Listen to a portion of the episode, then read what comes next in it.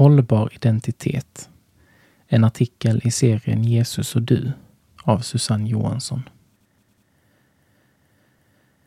Vad bygger du din identitet på? I en tid där det talas mycket om att man ska vara den man är, är denna fråga extra viktig att ställa sig. När identiteten känns osäker vill Gud visa dig att du kan bygga den på hans kärlek. Identitet, vad betyder det egentligen? På Nationalencyklopedins hemsida är definitionen självbild, medvetenhet om sig själv som en unik individ. Det är inte särskilt krångligt att förstå. Men vad är det som gör dig till just dig? Vad är din, vad är din identitet och vad ingår i den?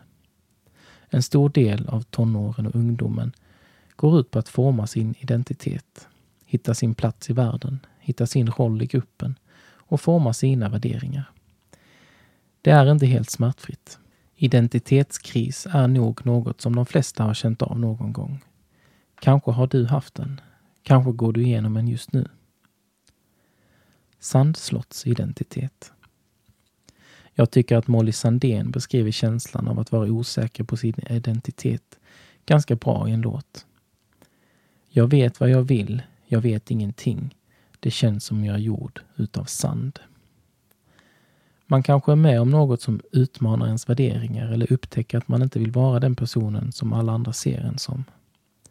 Man kanske inser att det jag velat bli sedan jag var liten inte är något för mig och att jag nu inte har någon aning om vad jag vill längre.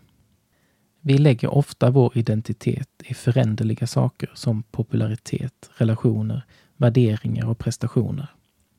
Jag tror att identiteten blir skör om vi bygger den av föränderliga saker. Den blir som ett sandslott som inte behöver särskilt mycket påtryckning för att rasa ihop. Guds barn. Men vad är egentligen min identitet då? När man tar bort allt det föränderliga. I Bibeln står det att vi får vara Guds barn när vi tror på honom. Det betyder att vi får ha vår identitet hos honom. Det låter kanske konstigt, men det är så Gud ser på oss, på dig och mig. Vad innebär det då att vi får vara Guds barn?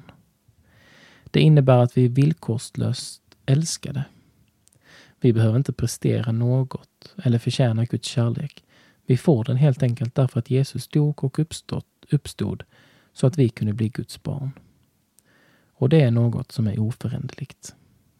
Din identitet som Guds barn kan inte falla sönder som sand. Den är byggd på något mycket starkare. Jesus.